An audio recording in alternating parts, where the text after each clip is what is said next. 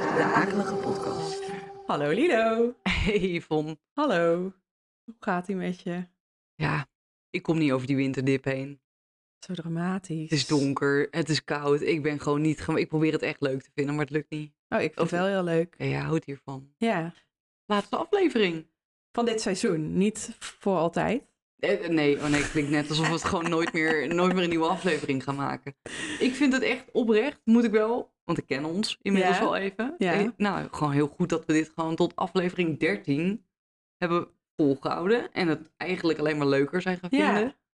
Dus we gaan door, sowieso. Maar dit is voor nu, voor dit jaar, Ja, voor 23. 2023 in ieder geval de laatste aflevering. Ja, En voortbordurend op de vorige aflevering over de stad Utrecht, Ja. gaan we nu hebben over... Utrecht provincie. Ja, Iets breder ja, dan want, alleen de stad. Ja, want in de aflevering over Utrecht en Amersfoort kwamen we er eigenlijk al achter dat we verrassend weinig weten over Stom, hè? duistere dingen in onze omgeving. Ja, maar wat ik dus heel raar vind, is dat mensen om me heen zeggen altijd... oh, wat weet jij veel over de omgeving. Maar als ik dus, als we werken aan deze aflevering, denk ik altijd... nou, ik weet echt De niks. helft. Ja, Ja, dus zijn we iets verder gaan kijken dan alleen maar de steden? ja. De rest. Zo, zo goed als. Misschien nog steeds niet compleet. Waarschijnlijk niet compleet. Maar nee, dat denk ik ook niet. En dat komt ook omdat wij al een paar keer op een plek zijn geweest in Utrecht... die wij heel speciaal vinden. Ja. En die we heel graag wilden behandelen, maar ja, echt absoluut niet de stad Utrecht is. Het is wel een stad en dat is Oudewater. Ja, ik ehm, tot op eh, voor kort wist ik ook niet dat dit eh, er was De eigenlijk. eerste keer dat we er waren was tijdens de coronatijd. Ja. En eh, toen zijn we daarheen gegaan vanwege de Heksenwaag, waar we het nu Ja. over gaan hebben. Dat is een heksenmuseum in Oudewater. En daarvoor had ik ook nog nooit gehoord van het bestaan van Oudewater. Maar het is een stad met hele rijke historie. Nou, ik weet niet of de meeste mensen van Oudewater hebben gehoord. Maar goed, we gaan het er dus wel even over hebben. Het is een heel mooi fotogeniek stadje met een heel oud centrum. Kleine grachtjes en bruggetjes en van die oude grachtenpandjes die helemaal scheef staan. Dat is echt heel charmant gewoon. En het pand van de Heksenwaag is ook al best wel oud. Komt uit 1575. Maar het gaat niet zozeer om het pand waar we het nu over hebben. Maar het Nee. gaat vooral om wat er in het pand staat. En dat is namelijk de waag. Ja. Vandaar ook de naam Heksenwaag. Maar wat is een waag? Ja, een Denken waag is- mensen nu? Ja, een waag is gewoon het oude woord voor een hele grote weegschaal. een weegschaal. Ja, om te dus wegen. Het is ja. een soort, ja, je moet het eigenlijk zien als een soort houten pallet die dan aan touwen aan een ja, weegmechanisme hangt. Waarmee je dus aan de andere kant kun je daar dus allerlei lode gewichten op zetten om heel precies te meten hoe zwaar iets is. Ja, heel groot ook. Ja, het is heel groot. En werd dan in Oudewater eerst eigenlijk altijd gebruikt voor het wegen van handelswaren. Dus bijvoorbeeld grondstoffen of van die grote wielen kaas, die werden dan Blokken opgestapeld. kaas, ja. Maar dat veranderde in de 17e eeuw. Want toen gebeurde er natuurlijk iets in de Nederlandse geschiedenis.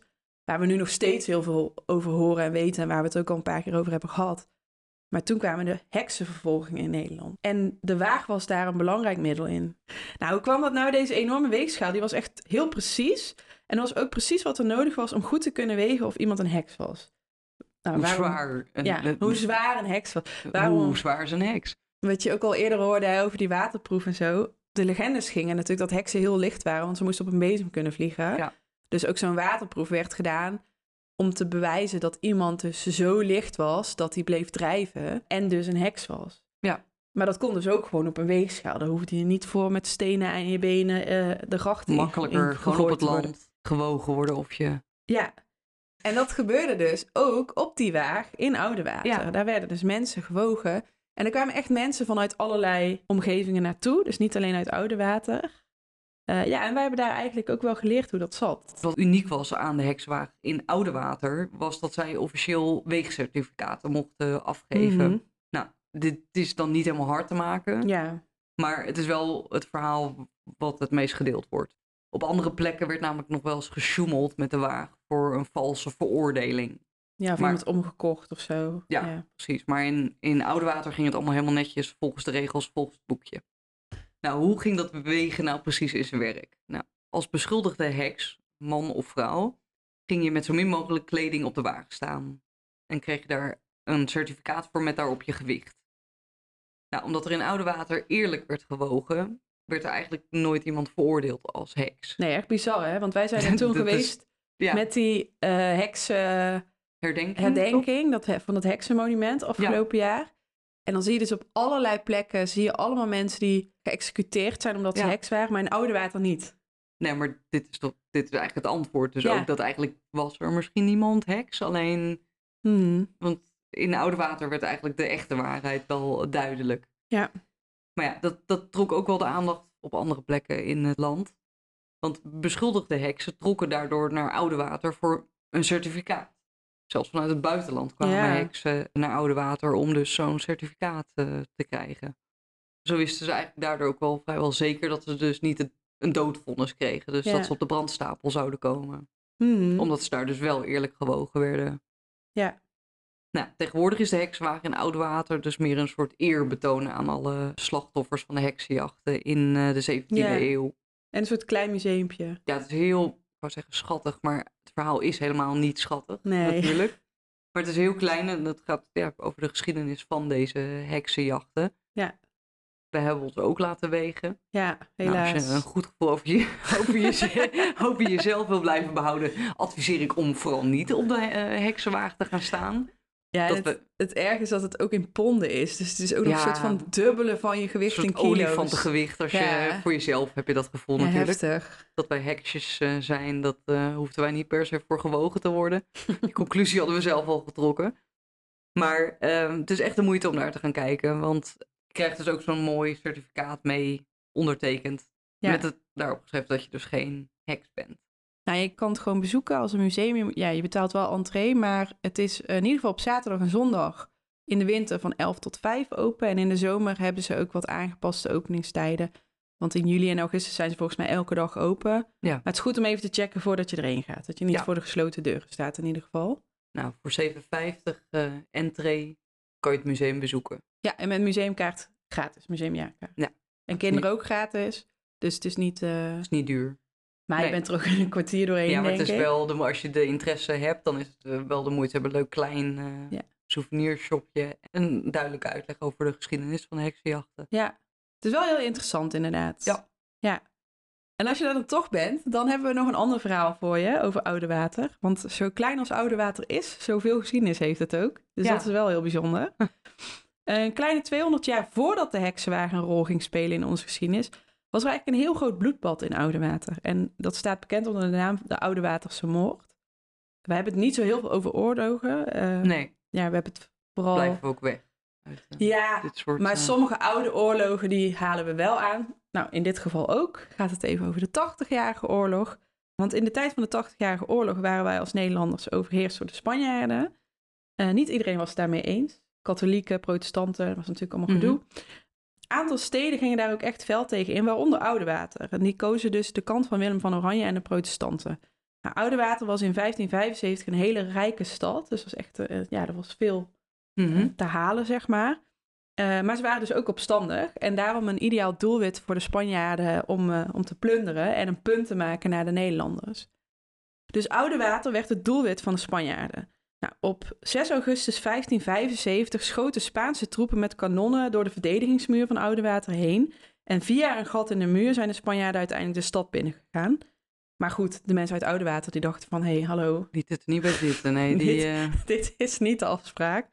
En die hebben echt gevochten voor hun leven. En dus niet alleen de mannen, maar ook vrouwen en kinderen. Dus Iedereen. Dat, ja, gewoon iedereen. De hele stad ging er gewoon helemaal vol voor. Maar helaas werden die mensen dus echt genadeloos omgelegd tijdens deze invasie. Bijna de helft van de mensen in Oudewater is toen vermoord. tragisch. Ja, echt bizar.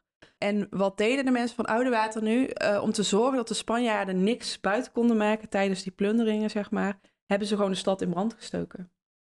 Dan maar niks. Dan Zo maar van, niks. Dan, dan ja, ja zo van we gunnen het jullie gewoon niet. Nee, In die tijd was het nog allemaal houten huizen, dus dat ging best wel snel.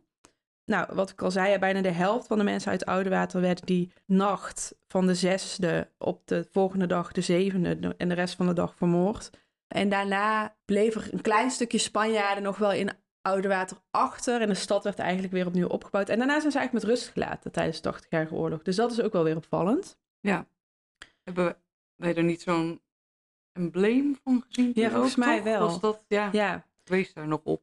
En de stad is toen weer opgebouwd, maar met stenen huizen in plaats van hout. Dus heel veel van die huizen die je nu ziet, die zijn een beetje uit die periode. Dus 1600, rond 1600 Ja. ongeveer.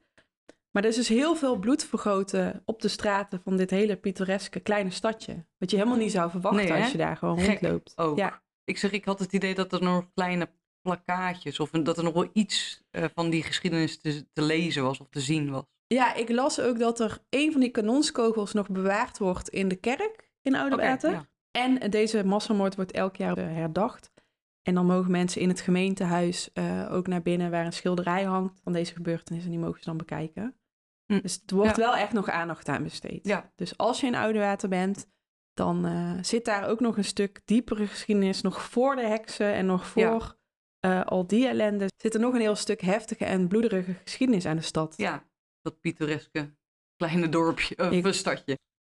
Nou, na Oudewater gaan we door naar iets eh, heiligers. Helemaal Nee. aan de andere kant van de provincie. Ja, We doen wel kriskras door elkaar. Het is niet dat je een soort van logische provincie, route... dat is, ook, dat is ook bijna niet te doen. Want het zijn Nee. allemaal zoeken diverse verhalen op diverse plekken in de provincie. Ja, De provincie is Utrecht. We vatten het puur samen doordat het in dezelfde provincie valt. Maar de verhalen zijn eh, zeer uiteenlopend. Ja, Nog een bijzonder verhaal is het verhaal van Cunera van Renen.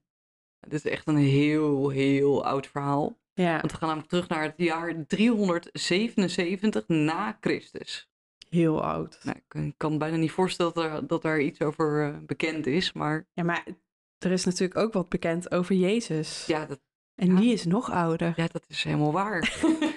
maar het is, het is ook wel een verhaal met veel verschillende namen en achterliggende verhalen. Dus we gaan proberen om dit ook heel veel moeilijke namen. Dus we gaan proberen om het een beetje kort te houden. ja, Nou, het begint met Ursula van Keulen. Dat is een prinses uit de vierde eeuw die 11.000 maagden bij zich zou hebben. Dat is een- dat is een- Dat is een hoop. Ja, Voor hysterische vrouwen. Dat terzijde. Nou, het is, het is weer een ander verhaal, maar net zo bizar. Want het verhaal van nu gaat helemaal niet over haar. nee, maar het, het is wel... eh, Ze wordt wel even... Even is, genoemd. het is even nodig Het is om even, haar even te noemen. even haar met de 11.000 maagden even te noemen. Want Ja. Ursula werd op een gegeven moment aangevallen eh, bij Keulen door de Hunnen. Dat was een eh, groep machtsbeluste krijgers die vanuit Azië naar Europa kwam en Europa probeerde te veroveren. Mhm. Ja, Attila de Hun, kennen die naam Ja. kennen mensen misschien wel, ja. Dat is bekender, denk ik, voor de Ja. luisteraars. Nou, op dat moment werd de Schotse prinses Cunera ook gered. Daar in Keulen bij die Ja. aanval. Ja, oké. Eh, door de Friese koning Radboud.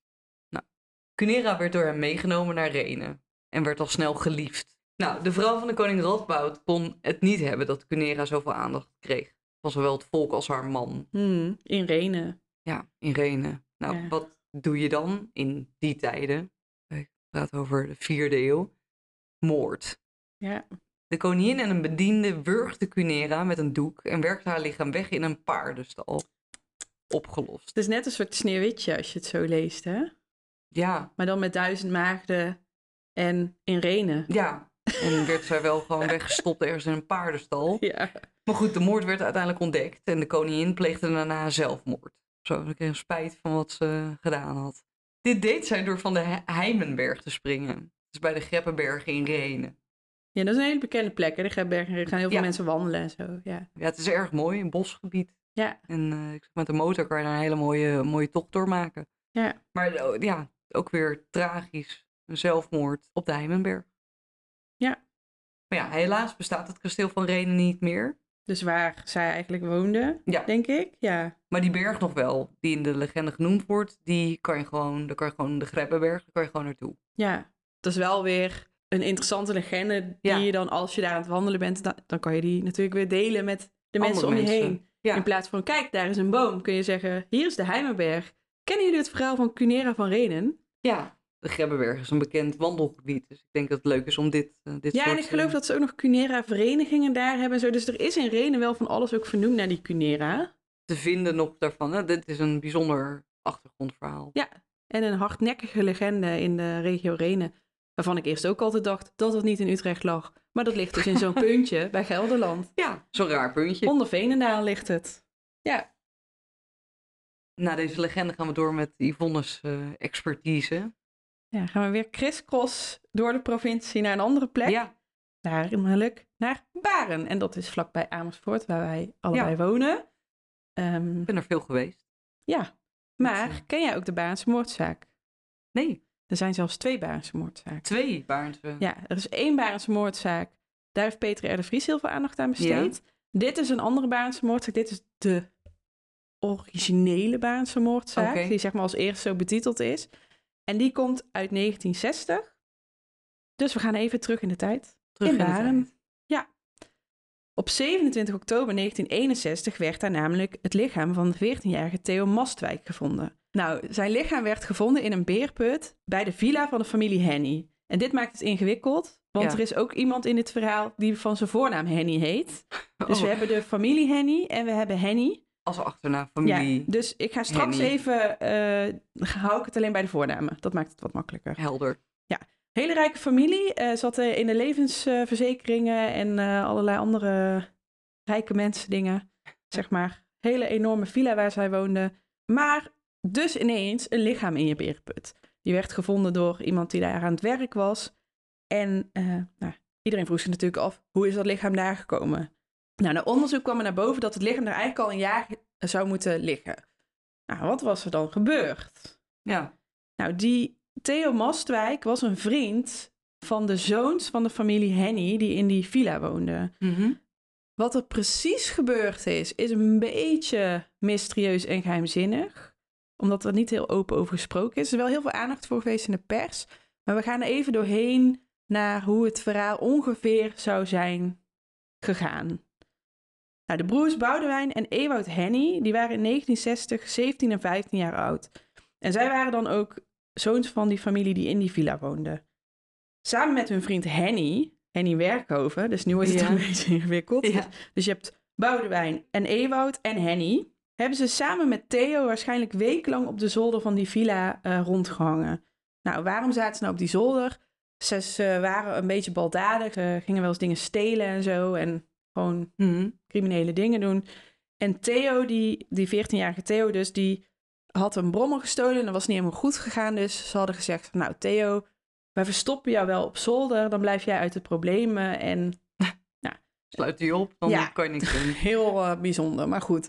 Toen hebben ze dus tegen andere mensen gezegd, die zich afvroegen van waar is Theo nou ineens ge- gebleven, dat Theo bij het Vreemdelingenlegioen was gegaan. Zo viel zijn verdwijning wat minder op, maar ik vind ook nog wel bijzonder dat iemand van 14 bij het Vreemdelingenlegioen kan. Daar Maar werden geen vragen over gesteld. Kennelijk niet. Nou, uiteindelijk vonden de broers en Henny dat Theo een beetje te zware last werd en dat hij dus dood moest. Dat plan zijn ze ook echt gaan uitvoeren. Ze hebben hem eerst proberen te vergiftigen en toen geprobeerd te wurgen met een touw, met een stuk draad of zo. Ja. Eh, en dat lukte niet. En uiteindelijk werd Theo vermoord door een klap op zijn hoofd met een kapmes. Toen hebben ze hem in een beerput gestopt en toen hebben ze ongebluste kalk gekocht Mhm. en er overheen gegooid. En dat zie je ook wel eens in films, hè, dat ze loog, of nou, dat is eigenlijk ongebluste kalk, die Ja. dan het lichaam oplost overheen en dat je dan Breaking vergaat. Ja. Sfeer. Maar goed, ze waren dus bijna mee weggekomen totdat die beerput ineens geleegd werd. En dus het lichaam van Theo naar boven kwam. Nou, er was heel veel gedoe rondom die moord. Want natuurlijk hele ja, bevoordeelde, Ja. rijke jongens die ineens voor de rechter moesten komen. En wat eigenlijk opviel was dat zij al heel snel heel anders werden behandeld dan andere criminelen. Mochten best wel snel weer naar huis, uit een voorarrest. Beetje en, eh, zoals in de middeleeuwen. Op het moment dat je geld Ja, had, dan kwam je in een betere cel. en En, connecties, ja. eh, had je meer eh, luxe. Ja, dus ze hadden ook wat meer vrijheden. En ja, naar mijn mening hebben ze redelijk lage straffen gekregen. Dus ongeveer negen jaar, acht jaar en Ja. ik geloof zes jaar voor medeplichtigheid. Dus nou ja, voor de moord op zo'n jonge jongen, Ja, Eh, dat is erg weinig. ja, is dat wel weinig, ja. Wat ik dus echt heel bizar vind, is dat na hun vrijlating hebben die mannen gewoon het familiebedrijf weer overgenomen. Alsof er niks aan de hand was. Nee. Nou, eh, waarom is het allemaal zo mysterieus? De dossiers over hun zaak zijn nooit openbaar gemaakt. Dus het is heel moeilijk om inzicht te krijgen in van wat hebben ze nou precies verklaard en dat wat voor bewijs was er nou.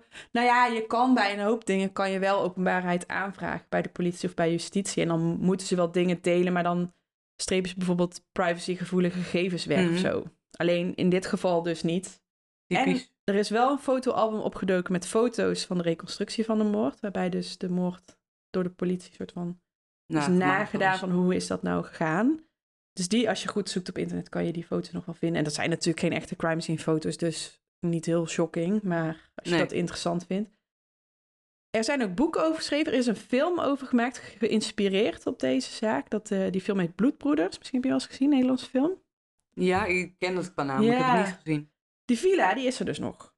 Oké. En die is echt nog tot heel recent in eh, handen gebleven van het familiebedrijf van de familie Henny. Het voormalige familiebedrijf, want Mhm. het is overgenomen uiteindelijk door de Nederlandse bank. Eh, maar ehm, dat, dat bedrijf van die familie is in 2020 failliet verklaard. En ik was aan het zoeken van wat zit er Ja. dan nu in. En toen kwam ik op Funda en toen stond er, wil je een kantoor huren? Ik kan het gewoon huren. Ja, het zit wel vol nu, want de Funda-reclame was verlopen. Ja. Maar je kan daar dus kantoren huren. Dus er zitten dus mensen in dat pand waar dus waarschijnlijk die Ja, jongen is vermoord. Leven gaat gewoon door. Ja, Ook. dat is zeker waar. Ja, Ja, is ik toch een raar idee. Je moet, als je daar werkt, moet je je echt wel bewust zijn van wat zich daar heeft afgespeeld. Ja, kan bijna niet anders. Nee, maar dat, dat, ja. Maar ja, misschien over 50 jaar niet meer. Dat het dan... Dit is nog redelijk, dit is nog heel recent. Nou ja, het is toch ook alweer meer dan 50 jaar geleden. Ja, dat vind ik, dat vind ik dan nog redelijk recent. Ja, maar Nog over geen 50 100 jaar, jaar is het geleden. 100 jaar geleden. En dan denk ik Ja. dat mensen misschien niet meer denken bij die villa van... oh, dat is die van de Barendse moordzaak of zo. Ik denk dat niet iedereen daarmee bezig is. Nee. Nee. Maar goed, Maar nu, toch gek. nu weten jullie het wel. De Barendse moordzaak. Toch gek. En het heet Villa Canton in Baren. Ja. Gaan we van een luxe villa naar een nog iets luxe optrekje. Ja, dit, dit is eh, een heel mooi kasteel. Kasteel de Haar. Kasteel de Haar. Bij Haarzuilens, bij Utrecht. Ik ken het van de Elfantasy Fair. Ja. En alle beurzen die daar eh, regelmatig zijn. Je hebt ook een hele kerstmarkt, volgens mij. Ja, het is vrij groot en het is mooi. Je kan er ook in. Ja, je kan ook in die En- tuinen. Het is, dit is best wel prijzig, vind ik. Want volgens mij kost het Ja. iets van 17,50 of zo om dat kasteel in te mogen. En dan nog wat extra als je die tuin Ik in vond wil. het ook erg duur. Volgens mij heb ik... Nee, ik heb het nooit gedaan. Omdat ik het gewoon... Ik was toch op die Ja. Fair. En ik had niet de behoefte om dan ook nog dat voor het kasteel te betalen. Ik weet ook niet of het, hoe het er van binnen uitziet. Dus. Het is heel mooi van binnen. Ik ben er dus wel één keer geweest. Mhm. Het is misschien goed om te vertellen. Het was een kasteel, maar het was niet het hoofdkasteel van prins of een graaf of zo. Het was Mhm. meer een soort buitenverblijf. Dus Ja. het was een soort vakantiehuis, wat echt belachelijk is, want het ding is echt enorm. Het is echt een kasteel. Ja, en in de binnenkant hebben ze alles nog zo aangekleed als dat het vroeger was. Dus dan kun je de slaapkamer zien en de keuken. En dat, nou, dat is heel leuk. En in elke kamer staat er een gids, zo'n vrijwilliger die heel enthousiast is om je alles te vertellen over het kasteel. Dus dat is echt super Hou je daarvan? Want Ja. dit kan je, hier kan je gewoon... Maar je kan altijd bekijken. in. Maar misschien het verhaal wat we nu vertellen, dat je er misschien helemaal niet meer in wil. Nou ja, wat, wat is er? Er gaat namelijk een legende over een ridder die met zijn paard, weet je, aan het rondhobbelen was met het paard in de, het park van het kasteel. En daar de- in de gracht is geraakt, Ja, rondom het kasteel. En daar dus met paard verdronken is. Dus mensen zeggen dat de geest van de ridder nog wel eens wordt gezien, maar dat hij vooral wordt gehoord. S'avonds door de gangen van de help. de kasteel de. Haar, de echo. Hij wordt ook daarom ook de echo van de Haar genoemd.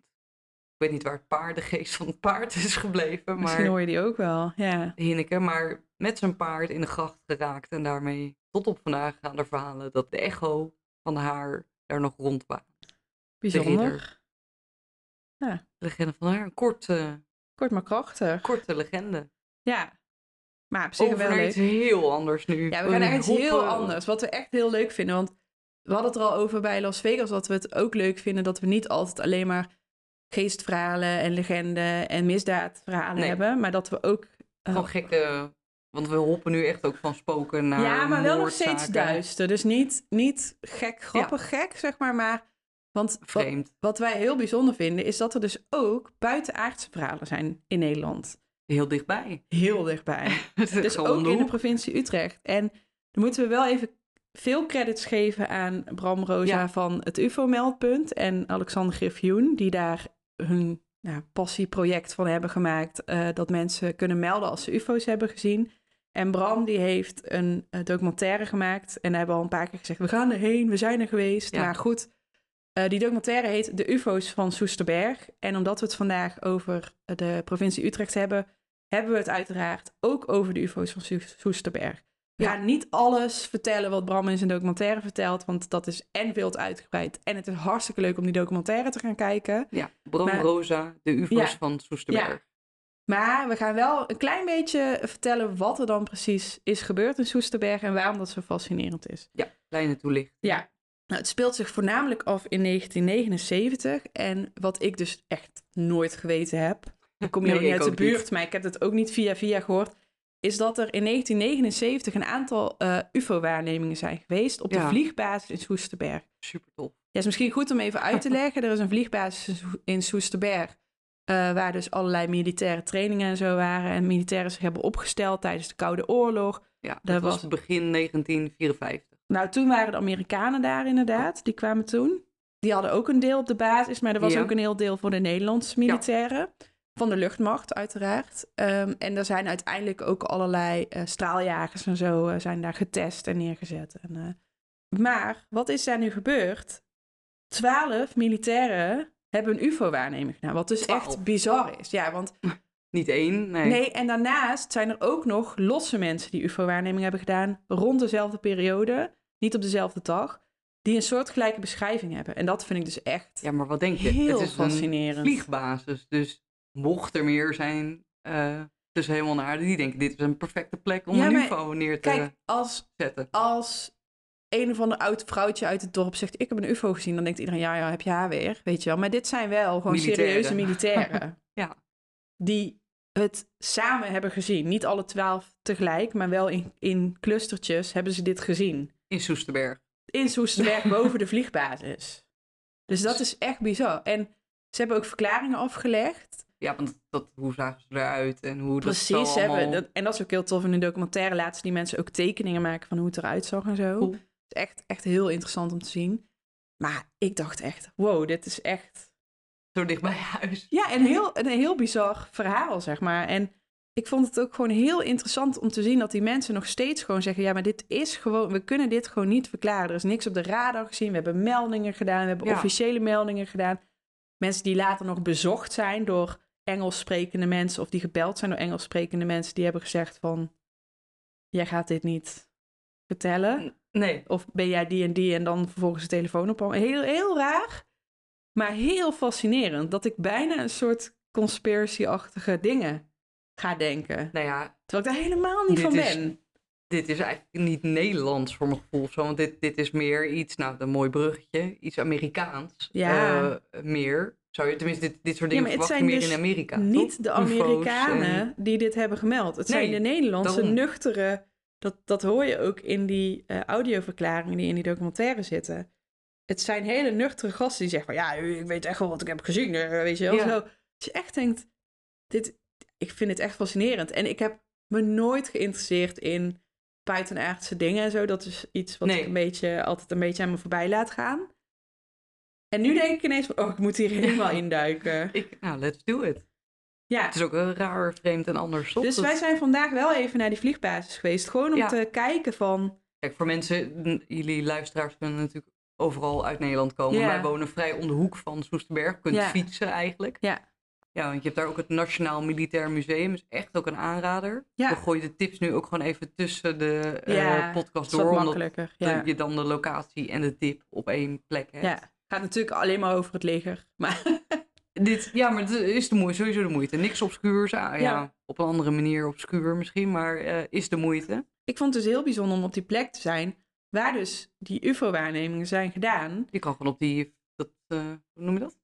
Asfaltbaan. Op het asfalt de vliegbaan staan Ja. waar zij zeggen dat ze de ufo's hebben waargenomen. Ja, en volgens mij... ik- Een vriend van mij gaat, ging daar wel skateboarden in de zomer. Dus je kan daar met de fiets komen. Zo, het is nu, het is ja, nu ik ben er van de zomer overheen gefietst. Ja. Leuk. Het is niet echt meer een eh, vliegbasis. Volgens mij zijn er nog wel wat zweefvliegtuigjes en zo. Maar het is niet meer echt een Nee. vliegveld. Dus je kan daarin en je kan daarop. En ja, super interessant. Maar het is Ja. nog veel interessanter als je het verhaal dus kent van de UFO's. Dat je denkt, wow, hier is dus echt wel iets groots gebeurd. Ja, je zou Wat? er s- eh, s'nachts kunnen gaan staan met eh, een heldere avond. Kijken wat je... Ja, maar ik... Ik, Ik denk niet dat ze zomaar komen hoor, als ze er zijn, maar... En wat ik dus heel fascinerend vind, is dat als mensen die UFO's omschrijven, dat wist ik dus niet, dat dus het gevoel hebben dat alles om hen heen helemaal stil wordt. Dat alle geluid en alle beweging uit de wereld verdwijnt, zeg maar. Dus dat het echt alsof je in een soort vacuüm zitten. Dat vond ik echt heel cool om te horen. Ja, jongens, jullie horen het al. Yvonne is naast haar true crime nieuwe expertise fascinatie. een nieuwe fascinatie eh, gevonden. nou, dankjewel Bram. Het paranormale, eh, eh, in dit geval ufo's en Ja. alles in het heelal waar we nog niet zoveel van af weten. Nee, alleen als het dicht bij huis is, want daardoor fascineert het me heel erg. We, gaan er, we gaan er meer, eh, we gaan op onderzoek uit. Ja, We gaan er dieper op ki- inkijken. en dus een tip om daarheen te gaan is gewoon rond te kijken. Er zijn ook allemaal andere dingen die je daar kan bezoeken. Ja. En de documentaire is uiteraard een tip. Ja. Ik, eh, hij is nu nog op verschillende plekken in kleine bioscopen. En ik vermoed dat hij ooit echt wel een keer op tv gaat komen. Of in ieder geval via een, een of andere streamingsdienst. eh. Ons betreft wel. Ja, dus als hij er is, dan gaan we jullie dat zeker laten weten. Maar wat is daar nog meer te zien? Ja, dit is iets wat mij dan weer fascineert. En misschien, ik weet eigenlijk niet zo goed waarom. Ik het een mysterieus gebouwtje. En dan mijn vader heeft er veel over verteld. Dat is een commissary, een supermarktje eigenlijk. Want de Amerikanen die zich daar in 1954 gevestigd hadden, op vliegbasis Soesterberg, die moesten ook eten. Nederlandse dingen waren natuurlijk niet zo boeiend, hè? Het kleine buurtsupertje. Nee, precies. Dus ze hebben een soort enorme Amerikaanse supermarkt. Ja, dat was het eigenlijk. Ja, was het. Alleen het gebouw staat er nog. Het is helemaal dichtgetimmerd met planken. En je kan er dus niet meer in. Ja, wat wel grappig is, is als je dan kijkt naar de geschiedenis van die Amerikanen in Soesterberg. Die wilden dus ook gewoon, ook al waren ze aan de andere kant van de Ja. oceaan, moesten dingen wel Amerikaans zijn. Dus bijvoorbeeld de eerste McDrive in heel Nederland. Was daar. Omdat die Amerikanen per se een drive-thru wilden. En Ja. zij wilden dus ook een of andere mega supermarkt. Ja. En die werd daar gebouwd, de commissary. Ja, met meerdere kassa's. En hè, waar we vroeger dan in die tijd dus meer een soort kruidenierszaakje hadden. Of eh, ja, nu zijn we gewend aan die grote supermarkten. Maar was dit een van de Ja, ik moet zeggen dat, omdat we zijn er vandaag dus geweest, Mhm. omdat ik wilde weten of je er überhaupt dichtbij. Ik moest even denken waar het precies was. Ja, en we wisten ook niet meer precies of het er nog was. Want we hadden Nee. ook wat gelezen over dat er een hennepkwekerij in had gezeten. En Ja, en dat er een brand was geweest. Dus we wilden ook even kijken waar het dan precies was. ik ben er volgens mij een paar jaar geleden langs gefietst. En in mijn gedachten was het veel kleiner dan hoe we het vandaag zagen. Ik vond het Mhm. vandaag eigenlijk best groot. Dus Ja, ik geloof Lilo dus niet zo snel als ze Ja. zegt... ik weet wel waar het is. Ik, weet, ik ben er geweest, ik weet precies waar het is. En ja, We hebben dus heel veel, heel veel rondjes gereden vandaag, omdat er nergens op Google Maps staat. Hier is die commissary, Nee. die, die oude Amerikaanse Vind ik supermarkt. toch gek, ondanks dat het, het is best groot. Ja. Dus dat moet Ja, je- ergens eh, gemarkeerd staan. Maar niet dus. Nee, en in artikelen hierover stond ook niet waar het precies was. Dus we hebben op allerlei richtingen. En op een gegeven moment zei Lilo, ja, maar ik weet zeker dat het hier naar rechts is en dan naar links en dan daar en dan daar. En Ja. Uiteindelijk had ze gelijk. was ik heel blij mee dat dit, dit keer, ik heb niet, zeker niet Ja. altijd gelijk, ik toch gelijk had. Ja, het was bij het kamp van Zeist. En dan heb je eigenlijk, eh, als je daarheen rijdt, dan rij je richting eh, een industrieterrein. Dat heet Kamp van Zeist. En een asielzoekerscentrum heb Ja. je daar. En eigenlijk rij je er dan meteen op af. En het is, ja, het is kan gewoon niet heel groot. Wel laag. Ja, ik zeg Gebouw? toen we er vandaag stonden, was het groter dan dat ik in mijn gedachten Ja, had. Maar er staat best- wel helemaal een hek omheen. Maar Ja. niet een, een be- een beetje zo'n kippengazenhek, zeg maar.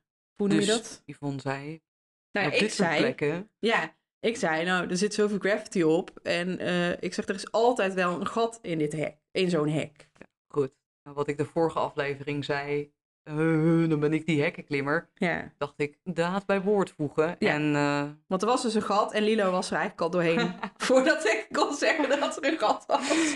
ja, ik moet, ik, moet- dan moet ik er ook eh, naartoe. Maar je, kon, je kon er niet in. We zijn er helemaal omheen gelopen en Nee. ook naar achter. En er zitten kleine bijgebouwtjes, maar Mhm. niet dat er iets bijzonders nog in te vinden is. Waarschijnlijk is het helemaal leeg. Je Ik denk een- ook dat het binnen best wel gevaarlijk is. Omdat eh, volgens mij zijn ze in 1994 zijn die Amerikanen weggegaan. Ja. Dan is die supermarkt ook rond die tijd gesloten. Nou, wij hebben in artikelen gelezen dat er kakers in hebben gezeten. Er heeft een hennepkwekerij in gezeten. Dus ik denk dat de binnenkant ook niet heel veilig is. Gewoon een hele lege asbest misschien, Ja. ik weet het niet. Maar we konden er niet in, was mis- misschien maar beter ook. Maar het was wel, ik vond het wel tof. Omdat ergens is dit gebouw een soort eh, ding voor me geworden. En nu kon ik er dichterbij zijn. Ja, maar het is ook Mocht omdat niet, jouw maar- vader je daarover heeft verteld, toch? Ja, ik zag het wel voor me hoe eh, eerder daar mensen dan gewoon hun boodschapjes deden. Midden, ook omdat het misschien midden in een bosgebied is. Dus Ja. de locatie, daar verwacht je geen supermarkt. Dus dat maakt het wel... eh, Nee, en het is dus niet direct naast de vliegbaas. Want dat, Nee. dat dacht ik. Daarom Nee, het ligt er nog best wel een stukje van af, inderdaad. Dat, eh, Nou, was tof. Was tof de om arm van de. Amerikanen reikt ver. Ja, dat, dat zeker. Dat zeker. Ja, dus als je daarheen gaat, je kan dus eh, door een hek, maar Niet dat de bedoeling. is niet de bedoeling. Sorry. Eh, wij mogen jullie niet adviseren om dat te doen, Nee. maar ja, het kan. Ja. Jij hebt je toch een foto hè, met de commissary Toch. voor je vader. Toch. Ja, dat is leuk. Ja. maar hou je aan de wet. Eh, Sowieso. Doe geen, geen stoute dingen. UFO's, meer UFO's. Want, we gaan nog heel even door over de UFO's. Vliegen door. Nou, in aanvulling op die UFO's van Soesterberg Ja. ging ik dus een beetje zoeken naar UFO's in Nederland. En toen kwam ik er dus achter dat er een kunstwerk is bij Houten op de rotonde. Ook op twee rotondes. Ja, ook in de provincie Utrecht. Weer aan de andere kant. Dus dan gaan we weer van Soesterberg naar ja, bij Houten aan de andere kant van Utrecht. Van de stad Utrecht, voor ons gezien. Ja, Eh, 20 minuutjes rijden van Amersfoort. zit ook de grote, de grote gevangenis in Houten. dat weet ik nog van toen ik bij de politie werkte. Side note. Ja, maar eh, daar heb je twee rotondes. Eh, eigenlijk als je van de snelweg eraf gaat en je gaat naar Van der Valk, geloof ik. Nou, daar heb je dus de UFO-rotonde, zoals wij het dan noemen. Maar het is eigenlijk een kunstwerk. Eh, en dat heet de landingsbaan voor buitenaardse culturen. En het zijn twee rotondes eh, bij de A27 en daar zit een weggetje tussen. Eh, en het grappige is dat het dus een landingsplaats voor een UFO moet zijn. Nou, het is een kunstwerk door Martin Riebeek. Als je dan aankomt gereden, dan zie je eerst een heel klein soort verkeerstoren staan. Zo'n luchtverkeersleidingstorentje op de Ja, ene Je moet het rotonde. weten dat dat het is. Want ik denk dat Ja. heel veel mensen er voorbij rijden en denken, oh, raar. Maar het is heel leuk, want het ziet er heel functioneel uit. Ja, 100%. En de tweede rotonde is echt gewoon één grote ronde.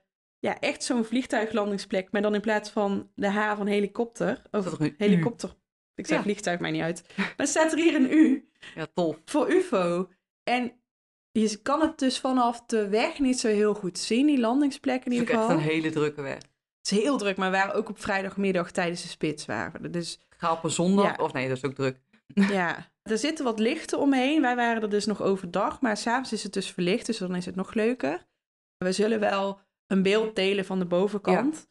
Want het is eigenlijk vanuit de lucht nog veel Ik kan toffer. het niet goed fotograferen. We, zijn er, we hebben geprobeerd om er naartoe te lopen, maar het was echt een hele drukke weg. Dus oversteken was Ja. gewoon echt te gevaarlijk. Nou, wat ik wel heel raar vond, is dat er een pet en een onderbroek op die rotonde lagen. Wie dat? Ja, misschien uit de auto gegooid, hè? Oh, dat kan, Dat ja. kan. Want we konden, we konden er echt niet naartoe lopen en dan was moeilijk. Het was heel vlak, dus je kan er Ja. niet goed... in- Maar als je erop zou kunnen staan, je kan de foto dus wel op internet vinden van bovenaf. Het is gewoon een ufo-platform met een ja. U. Ja, heel tof. Ja, ik vind het ook heel tof. Wie En- weet dat ja. daar misschien eens een keer een... eh, Er zijn wel allerlei bezwaren voor die kunstwerken natuurlijk, maar goed. Uiteraard. Dus dat vonden we een leuke afsluiter om eh, nog even mee te geven aan jullie. Het is ook wel echt van alles hoor, deze aflevering. Ja, leuk toch? We hoppen van misdaad naar spoken, naar ufo's, naar Ja, ik vind het wel leuk. Ja, ik vind het superleuk. Maar dit is ook om een provincieaflevering, dan heb je niet één thema. Nee, Dan is het alles, denk ik. Nee, we zitten er ook wel aan te denken om een keer een thema... Sowieso hebben we een thema-aflevering op de planning Ja. staan.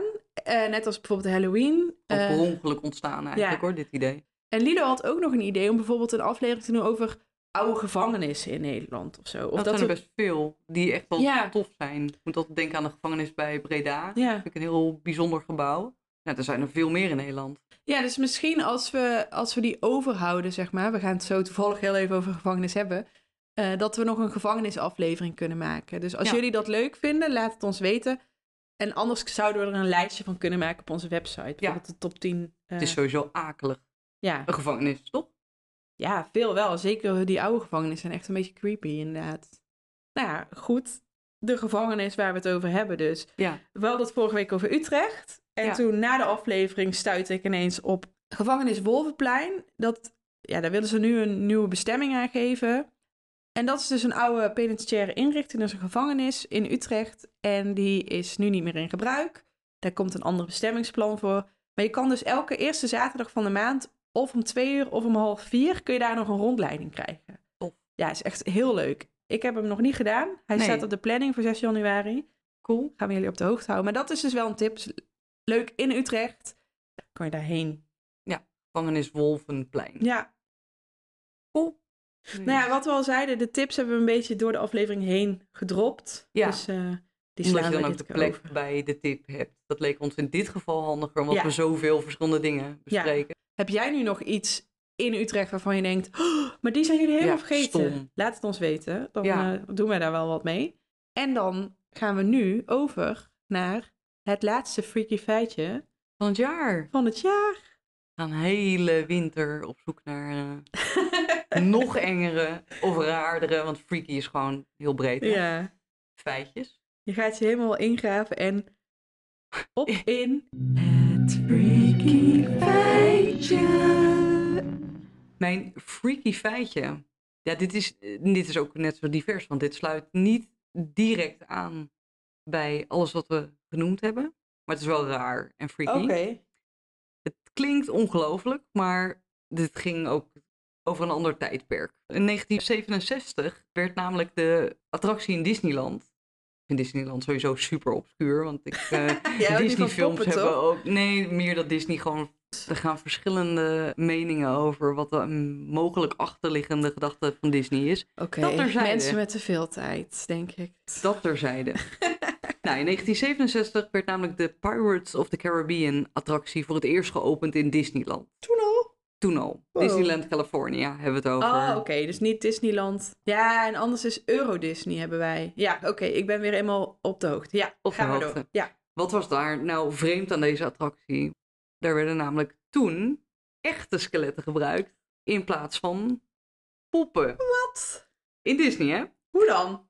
Nou ja, omdat ze in 1960 nog niet zo goed wisten hoe ze de poppen zo realistisch mogelijk konden laten lijken, Mhm. kochten ontwerpers, de perfectionistische ontwerpers van Disneyland, een stel echte menselijke resten Ja. in het eh, nabijgelegen Medical Center. En plaatsten deze op verschillende punten in deze nieuwe Pirates of the Caribbean attractie. Gewoon echte skeletten. Het ging voornamelijk om de meer authentieke ervaring.